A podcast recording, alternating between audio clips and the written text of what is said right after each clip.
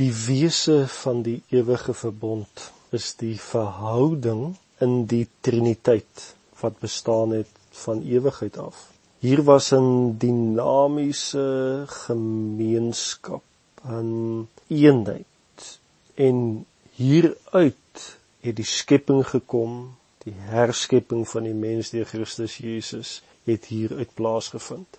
Die mens en sy herskepping, sy restaurasie as jy wil, was 'n gevolg van die perfekte gemeenskap van die Triniteit, die Vader, Seun en die Heilige Gees.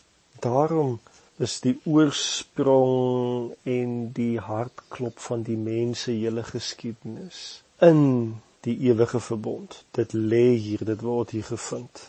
Onthou, in die eerste plek beskryf die ewige verbond die vaderhart van God jens die mens.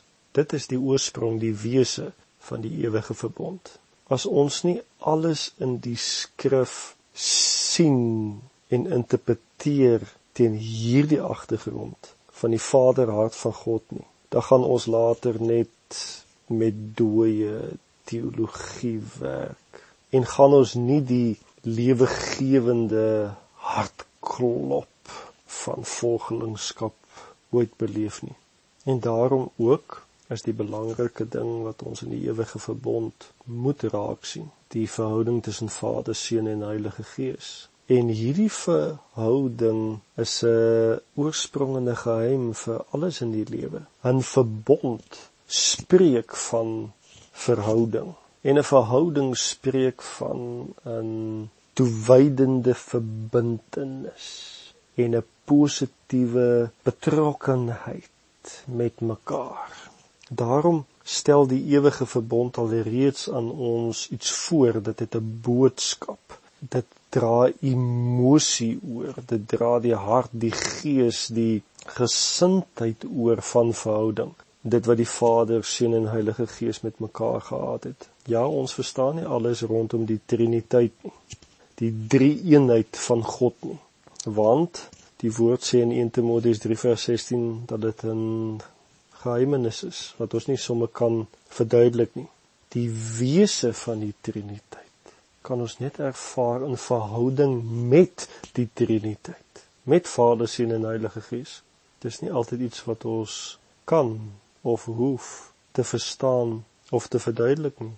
Dit is in elk geval onmoontlik om ten volle te verduidelik of te verstaan die hele samestelling as dit ware van God om dit met die menslike brein te begryp.